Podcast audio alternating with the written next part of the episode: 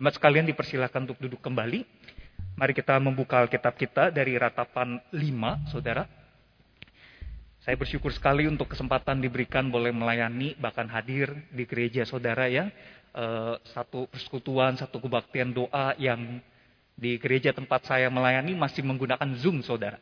Jadi saya rindu sekali, sudah setahun lebih ya kami tidak melakukan kebaktian doa onsite seperti ini ya. Dan saya bersyukur untuk kesempatan diberikan. Saudara, kita buka ratapan 5, tidak akan membaca semuanya. Kita baca ayat 1, kemudian ayat 16 sampai ayat 22. Saya akan bacakan buat kita sekalian, Bapak Ibu Saudara dapat mengikutinya di Alkitab masing-masing. Ratapan 5 ayat 1, demikian firman Tuhan. Ingatlah ya Tuhan apa yang terjadi atas kami, pandanglah dan lihatlah akan kehinaan kami. Ayat 16, Mahkota telah jatuh dari kepala kami, wahai kami karena kami telah berbuat dosa. Karena inilah hati kami sakit, karena inilah mata kami jadi kabur. Karena bukit Sion yang tandus di mana anjing-anjing hutan berkeliaran. Engkau ya Tuhan bertata selama-lamanya. Tatamu tetap dari masa ke masa. Mengapa engkau melupakan kami selama-lamanya? Meninggalkan kami demikian lama. Bawalah kami kembali kepadamu ya Tuhan. Maka kami akan kembali. Baharuilah hari-hari kami seperti dahulu kala. Atau apa engkau sudah membuang kami sama sekali sangat murkakah engkau terhadap kami? Saudara ada seorang pemuda yang masih sangat pemula di dalam eh, apa? Bertransaksi saham saudara ya belum pernah ada pengalaman jual beli saham seperti apa dia nggak nggak punya pengalaman itu tetapi pemuda ini kemudian diajak dan diajari oleh temennya eh coba yuk coba kita beli saham ya saham itu di saat ini e, lumayan bisa nambah pemasukan begitu ya. Lalu, wah gimana caranya diajarin saudara? Nah setelah diajar dan e, udah mulai ngerti pemuda ini, temennya itu memberikan nasihat yang sangat penting. Eh, saya kasih tahu kamu ya, kamu mesti ingat nasihat penting ini. Satu, kalau kamu beli saham, belilah saham perusahaan yang reputasinya bagus. Jangan sembarangan ya beli saham-saham perusahaan yang kamu nggak kenal. Yang kedua, kamu tuh mesti beli sesuai dengan budgetnya kamu. Sesuai dengan uang tabungan kamu.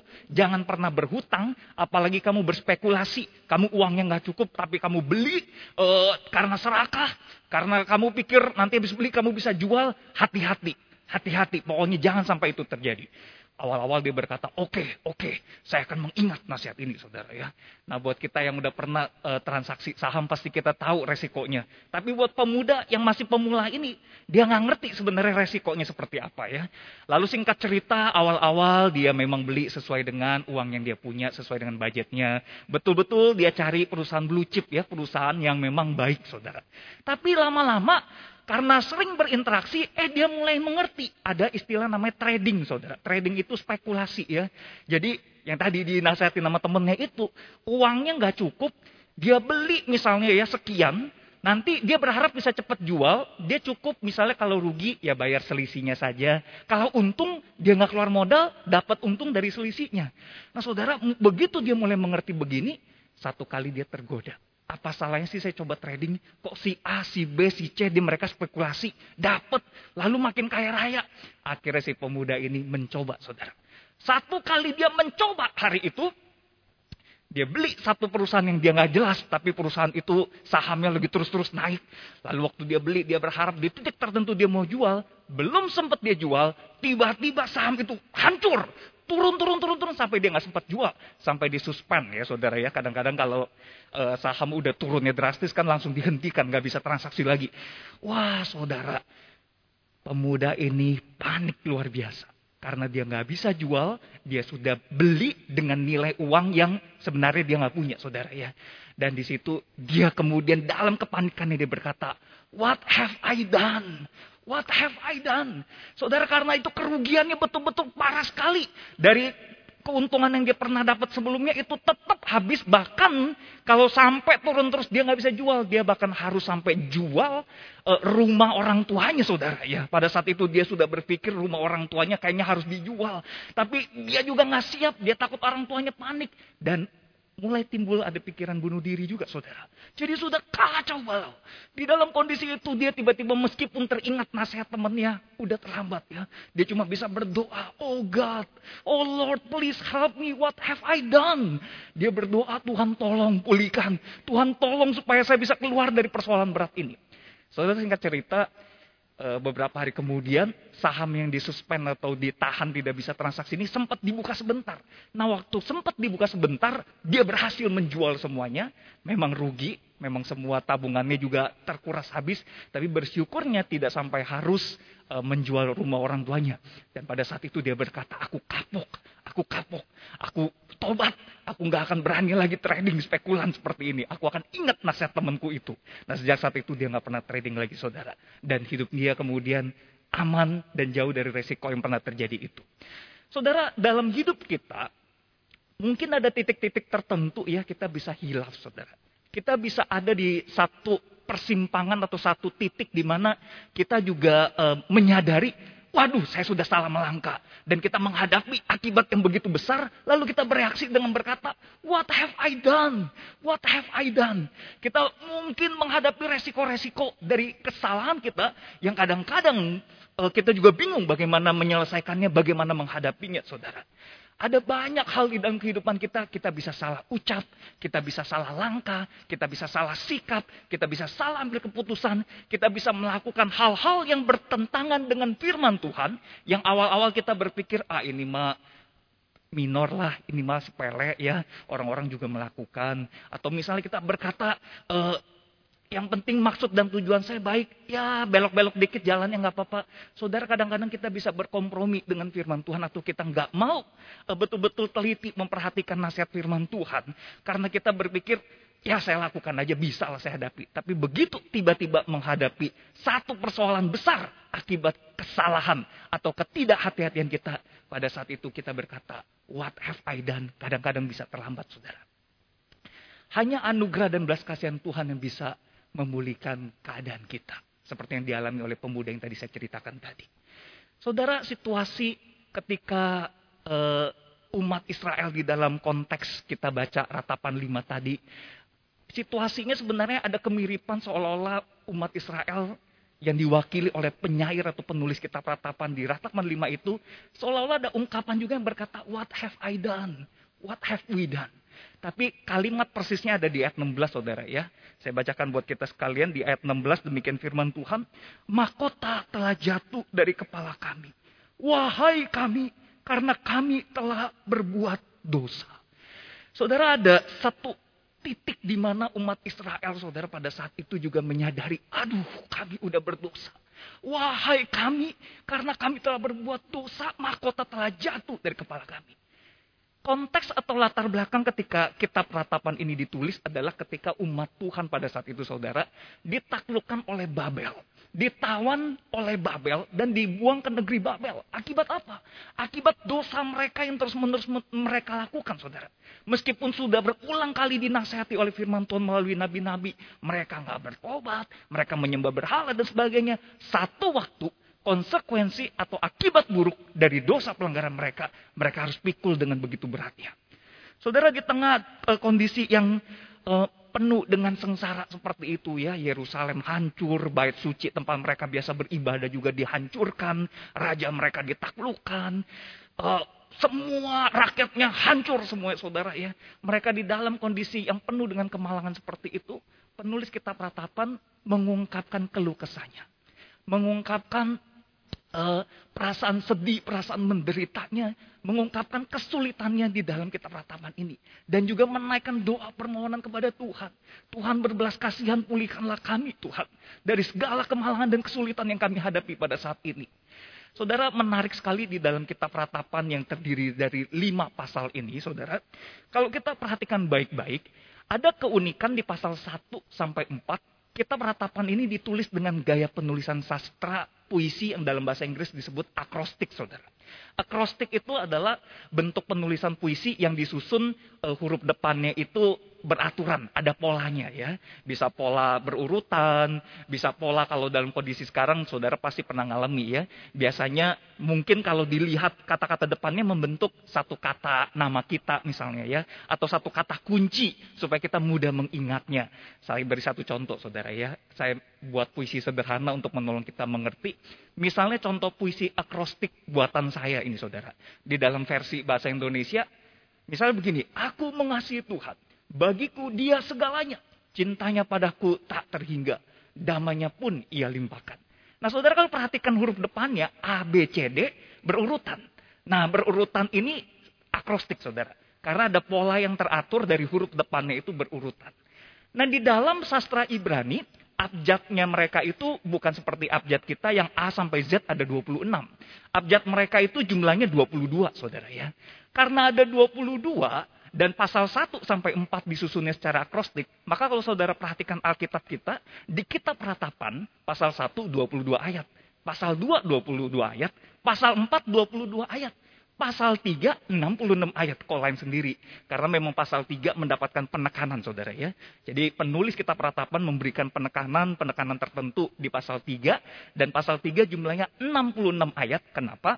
Karena satu uh, satu abjad dari uh, apa abjad Ibrani ini dikembangkan menjadi tiga ayat. Jadi tiga kali 22 jumlahnya 66 ayat. Nah yang pasal 1, 2, 3, 4 ini akrostik. Jadi abjad Ibrani yang pertama itu dijadikan ayat pertama. Abjad Ibrani yang kedua dijadikan ayat kedua saudara. Tetapi itu adalah bentuk ratapan ya. Ratapan dari umat Tuhan yang mengalami penindasan pada saat itu. Nah menariknya saudara, di pasal 5 yang kita sedang renungkan saat ini. Ditulis dengan jumlah 22 ayat juga. Kalau lihat sekilas, jumlahnya sama. Seolah-olah ada polanya juga. Tapi kalau diperhatikan bahasa aslinya, pasal 5 non-akrostik saudara. Tidak disusun seperti pasal 1 sampai 4 yang berurutan. Tetapi tidak beraturan. Tidak tidak akrostik. Nah kenapa saudara? Dalam tafsiran yang saya baca, seorang penafsir berkata demikian. Seolah-olah penyair atau penulis kitab ratapan ini ingin mengungkapkan kepada pembaca dan juga kepada Tuhan. Betapa beratnya penderitaan mereka. Awal-awal mereka menghadapi penderitaan itu seolah-olah mereka masih lumayan tertata ya. Lumayan masih ya masih cukup kuat, masih bisa berpikir jernih, menyusun doa ratapannya secara teratur. Tetapi sekian lama tekanan-tekanan terus bertambah, daya tahan bisa melemah, pikiran bisa kacau, akhirnya kita bisa meledak juga di dalam kekacauan akibat tekanan dan kesedihan yang terus menerus. Daya tahan kita menjadi lemah dan hidup kita menjadi kacau, saudara. Saudara kalau kita lihat kehidupan kita, kita coba ingat baik-baik. Waktu kita hadapi masalah, bukankah ada kemiripan dengan apa yang dikatakan oleh penafsir ini ya?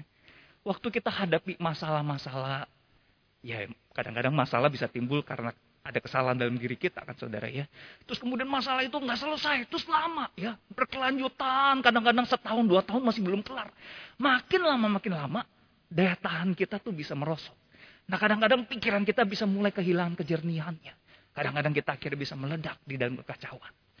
Saudara dalam kondisi seperti itu, maka penulis uh, kitab ratapan ini di pasal 5, kemudian dia memulai ya di ayat 1, dia berkata demikian saudara. Ingatlah ya Tuhan, apa yang terjadi atas kami. Pandanglah dan lihatlah akan kehinaan kami. Saudara dalam ledakan kekacauan, si penulis kitab ratapan ini dia mewakili umat. Dia berseru kepada Tuhan.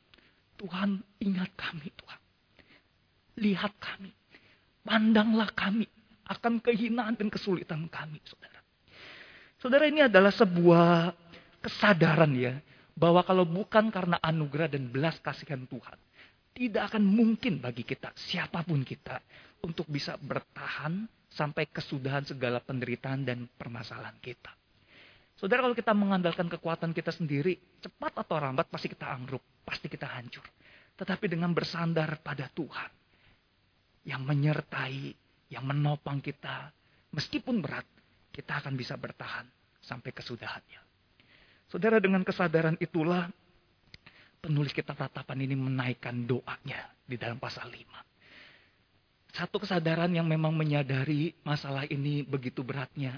Bukan hanya dialami dia secara pribadi, tapi dialami oleh begitu banyak orang di sekitarnya, dialami uh, seperti chain reaction, saudara ya, reaksi berantai yang meluas, yang aspeknya itu merambah ke segala aspek.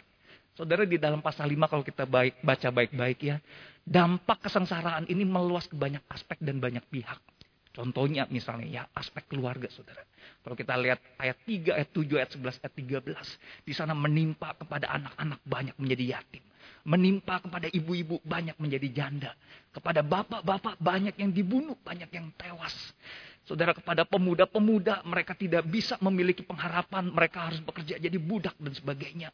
Gadis-gadisnya ada yang mohon maaf.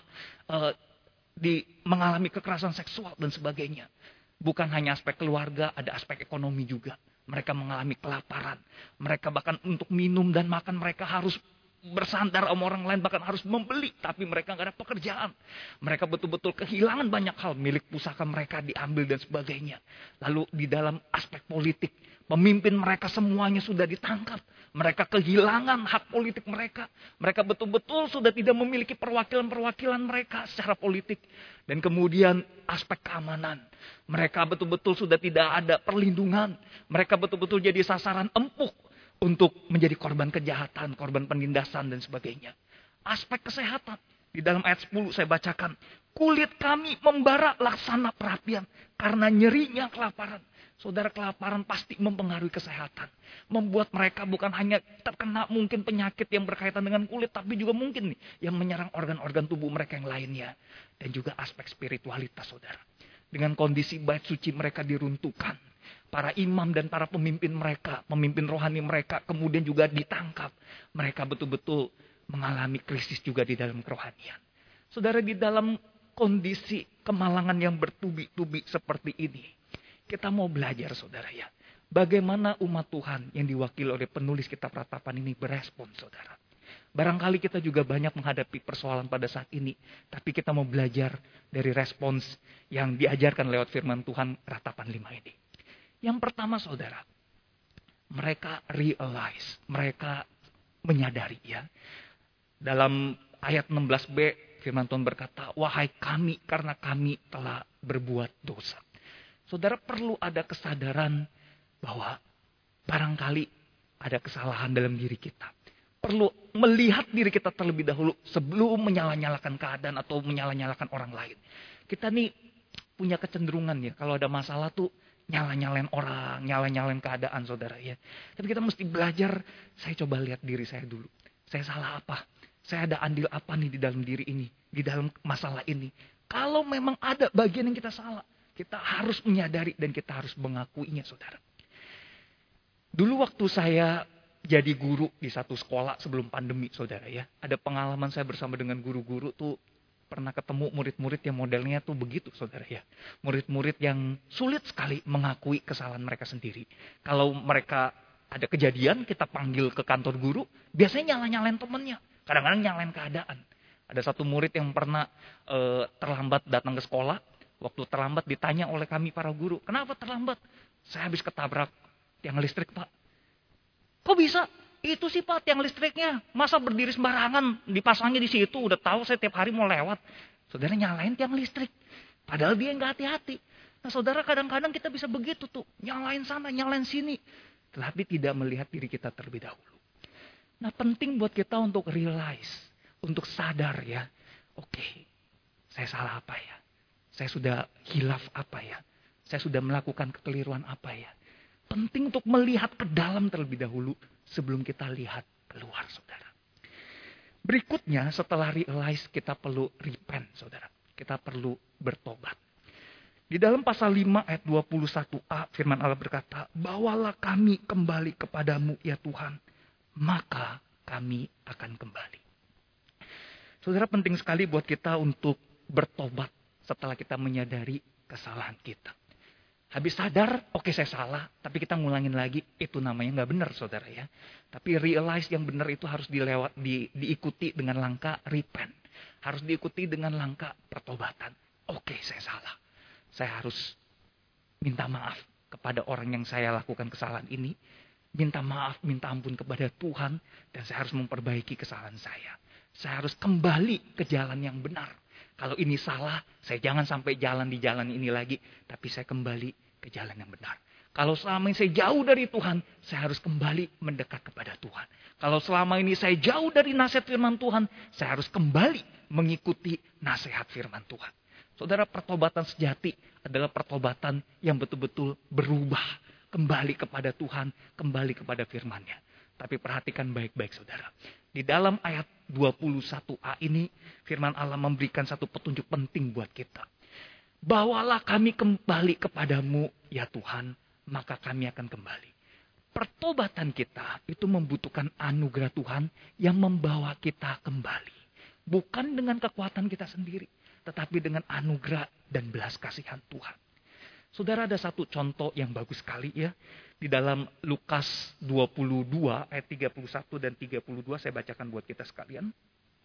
Lukas 22 ayat 31 dan 32 demikian firman Tuhan. Tuhan Yesus berkata, Simon, Simon, lihat iblis telah menuntut untuk menampi kamu seperti gandum. Tetapi aku telah berdoa untuk engkau, supaya imanmu jangan gugur.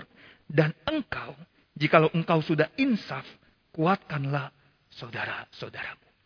Saudara, ini konteks firma, uh, Tuhan Yesus berkata kepada Simon Petrus, sebelum Simon Petrus menyangkal Tuhan Yesus ya. Kan sebelum Tuhan Yesus ditangkap di Taman Getsemani, kemudian Simon Petrus mengendap, mengikuti diam-diam, lalu menyangkal. Nah Tuhan Yesus sudah berkata hal ini kepada Simon. Tetapi perhatikan baik-baik kata jikalau yang saya perbesar sedikit saudara ya. Kalau di dalam bahasa Indonesia seolah-olah jikalau. Seolah-olah ada kemungkinan ya. Jika kamu bertobat, nanti kamu kuatkan saudara kamu. Ya, tapi kalau nggak bertobat ya udah nggak usah. Seolah-olah begitu saudara ya. Tetapi kalau kita lihat versi bahasa Inggrisnya, kita akan lebih mengerti dan bahkan bahasa aslinya, saya bacakan buat kita sekalian, saudara ya, di dalam versi bahasa Inggrisnya. Simon, Simon, behold. Nah, dan seterusnya, sampai ke kata yang diterjemahkan jikalau itu diterjemahkan menggunakan kata when, saudara ya. When itu artinya ketika. Bahasa bahasa Yunani-nya itu pakai kata pote ya. Pote at the time, pada waktu. Jadi Tuhan Yesus itu berkata ketika atau pada waktu kamu uh, insaf atau bertobat, kuatkanlah saudara-saudaramu. Saudara, di sini kita bisa melihat bahwa Tuhan Yesus berkata kepada Simon, aku berdoa buat kamu, aku memperhatikan kamu, dan nanti waktu kamu insaf, waktu kamu bertobat, kamu kuatkan saudara-saudaramu. Dari sini kita bisa melihat bahwa pertobatan Petrus itu bukan pertobatan karena kuat gagah atau karena kemampuan dia sendiri. Tetapi karena belas kasihan dan anugerah Tuhan Yesus yang memampukan dia untuk insaf dan bertobat. Demikian halnya dengan setiap kita, saudara. Kalau kita bisa insaf, kalau kita bisa repent, kalau kita bisa bertobat dari kesalahan yang kita sadari, itu semata-mata karena anugerah belas kasihan Tuhan. Tapi kita perlu ada sebuah kerendahan hati ya untuk meresponi firman Tuhan ini, yaitu kita mau berkata seperti penulis uh, ratapan lima ini. Ya Tuhan, bawalah aku kembali kepadamu. Bawalah aku. Tolong aku bisa bertobat untuk kembali kepadamu. Dan yang ketiga, yang terakhir, setelah kita realize, kita repent. Yang terakhir adalah kita restore. Kita mengalami pemulihan dari Tuhan. Sebagaimana tema yang kita renungkan pada malam hari ini. Firman Allah di dalam uh, ayat 21b berkata, Baharuilah hari-hari kami seperti dahulu kala. Saudara, restorasi atau pemulihan itu terutama yang berkaitan dengan peristiwa yang karena kesalahan kita itu harus terjadi setelah repentance, harus terjadi setelah pertobatan kita. Kadang-kadang di dalam kita menghadapi masalah, kita mau cepat-cepat bypass langsung ke restore-nya aja. Tuhan pulihkanlah keadaan kami. Kami sulit, Tuhan tolong pulihkan. Tapi kita nggak mendahulunya dengan realize. Kita nggak mendahulunya dengan repent. Kita langsung cepat-cepat ke restore. Saudara kalau kita hanya fokus ke restore dan tapi kita nggak mau lihat diri kita. Kita nggak mau memperbaiki diri kita. Kita akan nggak akan mengalami restorasi yang sejati. Tidak akan mengalami pemulihan yang sejati. Saudara, di dalam uh, ayat yang terakhir dari ratapan pasal 5, karena ini pasal terakhir, ayat terakhirnya juga menjadi ayat penutup dari kitab ratapan ini. Menarik sekali kalau kita baca saudara ya, itu kalimatnya kalimat pertanyaan terbuka. Atau apa engkau sudah membuang kami sama sekali? Sangat murkakah engkau terhadap kami? Tanda tanya. Lalu habis. Saudara seolah-olah penulis kita peratapan mewakili umat nggak tahu. Ini kita udah berdoa sama Tuhan, Tuhan jawab gak ya? Tuhan tetap perhatikan kita atau kita udah dibuang? Atau Tuhan udah nggak peduli sama kita? Nah saudara, memang penulis dan umat Tuhan atau pembaca zaman itu, mereka nggak sempat melihat karya terbesar restorasi Tuhan kepada umatnya, kepada kita semua. Tapi kita yang hidup di zaman ini, kita mendapatkan informasi itu. Dalam anugerah Tuhan kita bisa melihat di dalam kitab Injil ada restorasi terbesar. Karya terbesar Tuhan melakukan pemulihan kepada semua umat manusia. Yang dilakukan oleh siapa? Oleh Tuhan Yesus Kristus di atas kayu salib saudara. Ketika Tuhan Yesus merestor relasi yang terputus antara kita, umat orang-orang ciptaannya dengan Tuhan Sang Pencipta, dengan Allah Bapa. Dia memulihkan dengan mengorbankan dirinya. Dan restorasi ini nggak ada yang bisa melakukan selain Tuhan Yesus Kristus. Saudara, kalau restorasi yang terbesar ini Tuhan sudah tunjukkan. Tuhan sudah korbankan dirinya. Dia lakukan buat saudara dan saya. Maka restorasi di dalam persoalan pergumulan kita pasti juga dia akan beranugerah memberikannya. Saudara, yang terpenting di dalam pergumulan kesulitan apa pun yang kita hadapi. Kita mau selalu realize, kita mau selalu repent, dan kita mau betul-betul mengandalkan restornya Tuhan. Kadang-kadang memang butuh waktu yang tidak sebentar. Tetapi mari kita semua, setiap pribadi, masing-masing, kita mau datang secara pribadi kepada Tuhan dengan berkata, oke, okay, saya nggak lihat-lihat yang lain. Saya tidak menyala-nyalakan yang lain. Tapi saya lihat diri saya. Apa salah saya di hadapan Tuhan? Saya minta ampun Tuhan. Saya mengaku saya salah. Berbelas kasihan, pulihkan saya. Pulihkan saya. Dan ketika kita mengalami pemulihan dengan Tuhan. Pertama-tama relasi kita dengan Tuhan dipulihkan, nanti akan berlanjut relasi kita dengan sesama.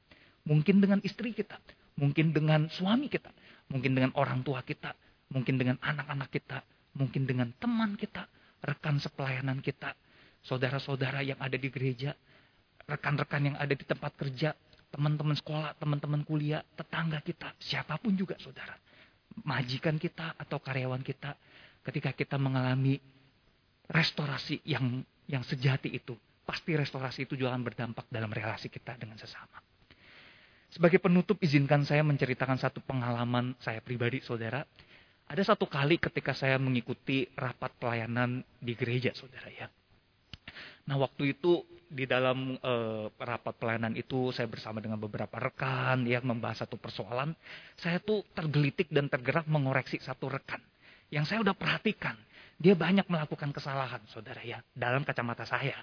Saya nggak konfirmasi, saya nggak ajak dia pribadi. Tapi saya nggak ajak bicara pribadi maksudnya. Tapi saya pikir udahlah dalam forum ini aja saya coba koreksi dia gitu ya.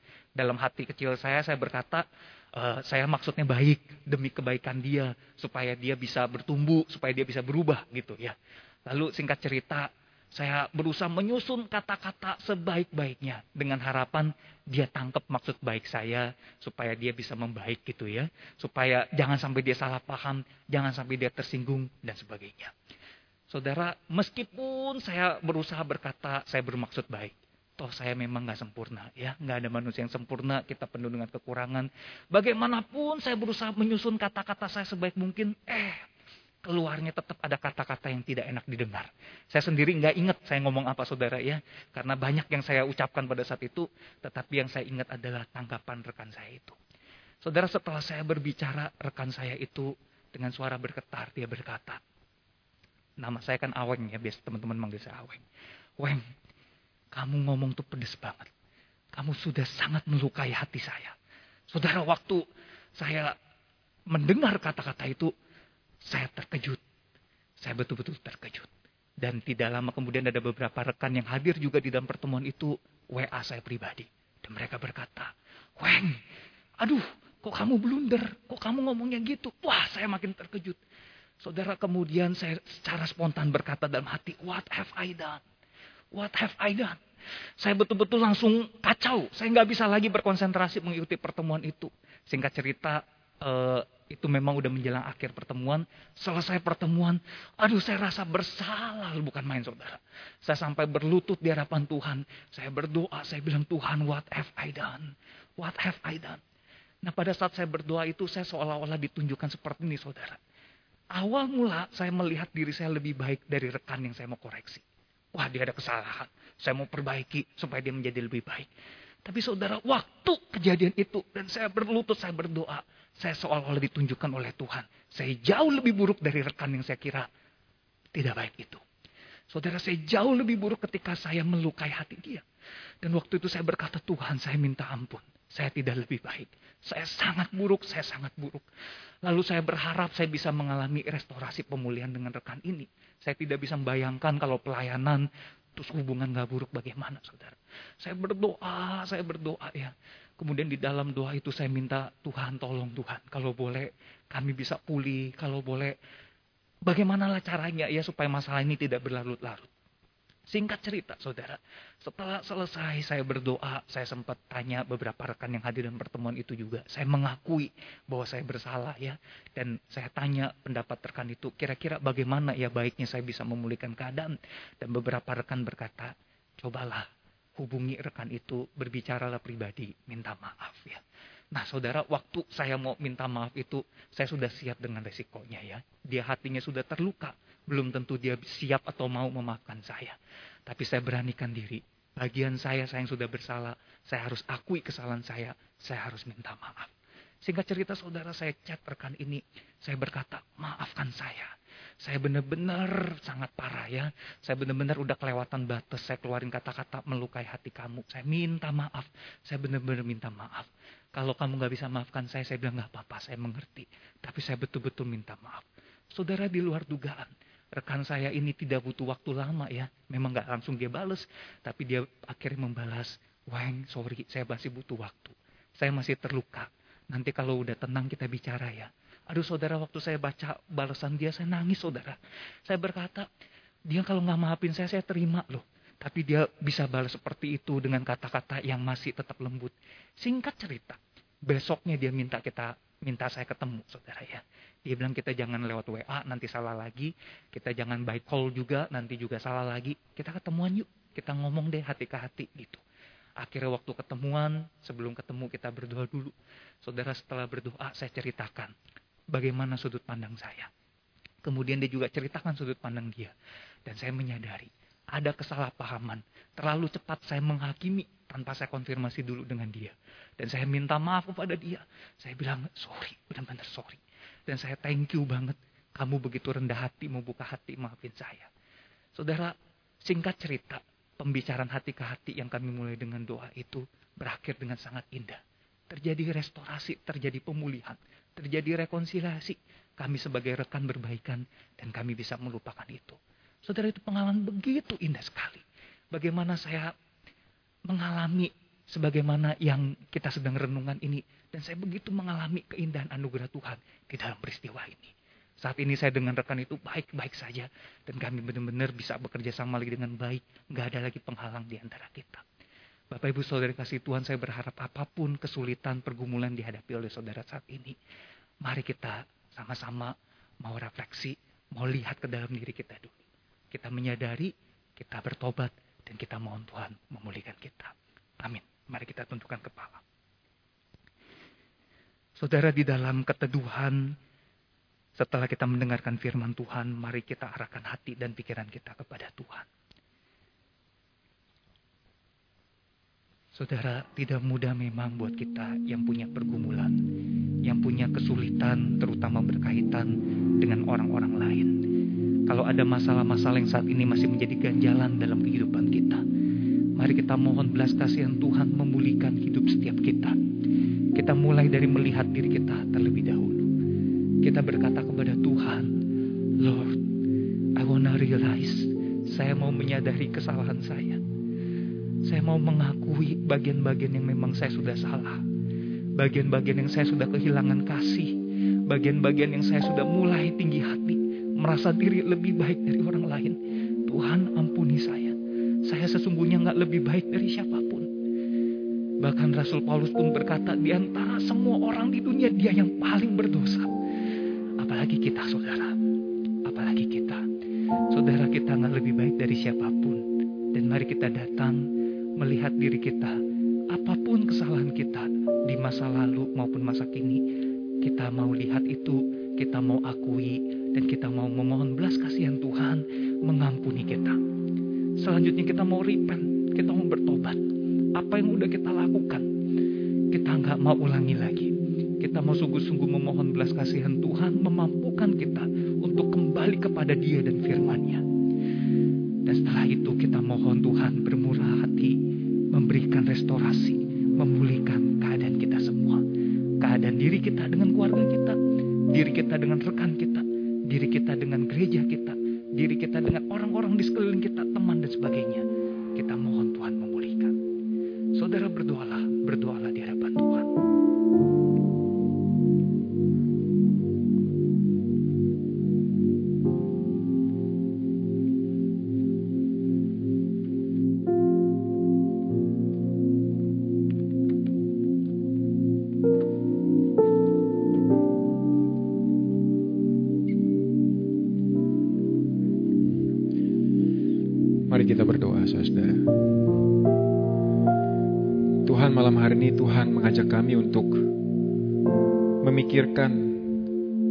dari mana semuanya ini berasal. Kehancuran, malapetaka yang, menimpa bangsa Israel tidak terjadi dalam semalam. Tetapi setelah Tuhan berulang kali memberikan kesempatan bangsa Israel tetap mengeraskan hati. Tuhan malam hari ini melalui firman Tuhan, Engkau mengajak kami untuk melihat ke dalam hati kami sendiri Tuhan. Hati kami masing-masing yang sering kali Tuhan kami tidak sadari kami punya banyak hal yang tersimpan rapih. Tapi di mata Tuhan, Tuhan tahu yang rapi tersimpan itu sebenarnya jahat di mata Tuhan. Biarlah firman Tuhan yang sudah kami dengar, bukan hanya menyapa hati kami, tetapi mendesak kami untuk bertobat di hadapan Tuhan. Biarlah kami melihat kepada diri kami sendiri bukan dengan telunjuk jari kami menunjuk kepada orang lain.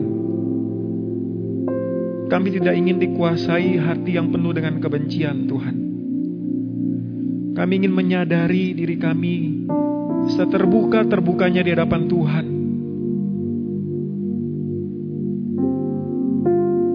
Kami ingin bertobat di hadapan Tuhan. Jangan biarkan kami menyia-nyiakan berharganya darah Tuhan Yesus di atas kayu salib. Tuhan kalau Engkau sudah begitu besar mengasihi orang-orang yang tidak layak dan hina seperti kami. Mana berani Tuhan kami menganggap orang lain yang kami anggap sebagai saingan kami, musuh kami, kompetitor kami lebih buruk dari diri kami sendiri. Biarlah dengan kasih yang kami sudah terima dari Kristus, kami juga boleh menyatakannya kepada orang-orang yang kami anggap menjadi saingan kami. Dan biarlah Tuhan dengan tinggal diam di dalam kasih Tuhan, Engkau memulihkan kami. Terima kasih Tuhan untuk anugerahmu melalui firman Tuhan. Terima kasih untuk hambamu yang sudah menyampaikan firman Tuhan. Kasih Tuhan. Di dalam nama Tuhan Yesus kami berdoa. Amin. Selamat malam saudara-saudara. Persekutuan kita sampai di sini. Tuhan memberkati.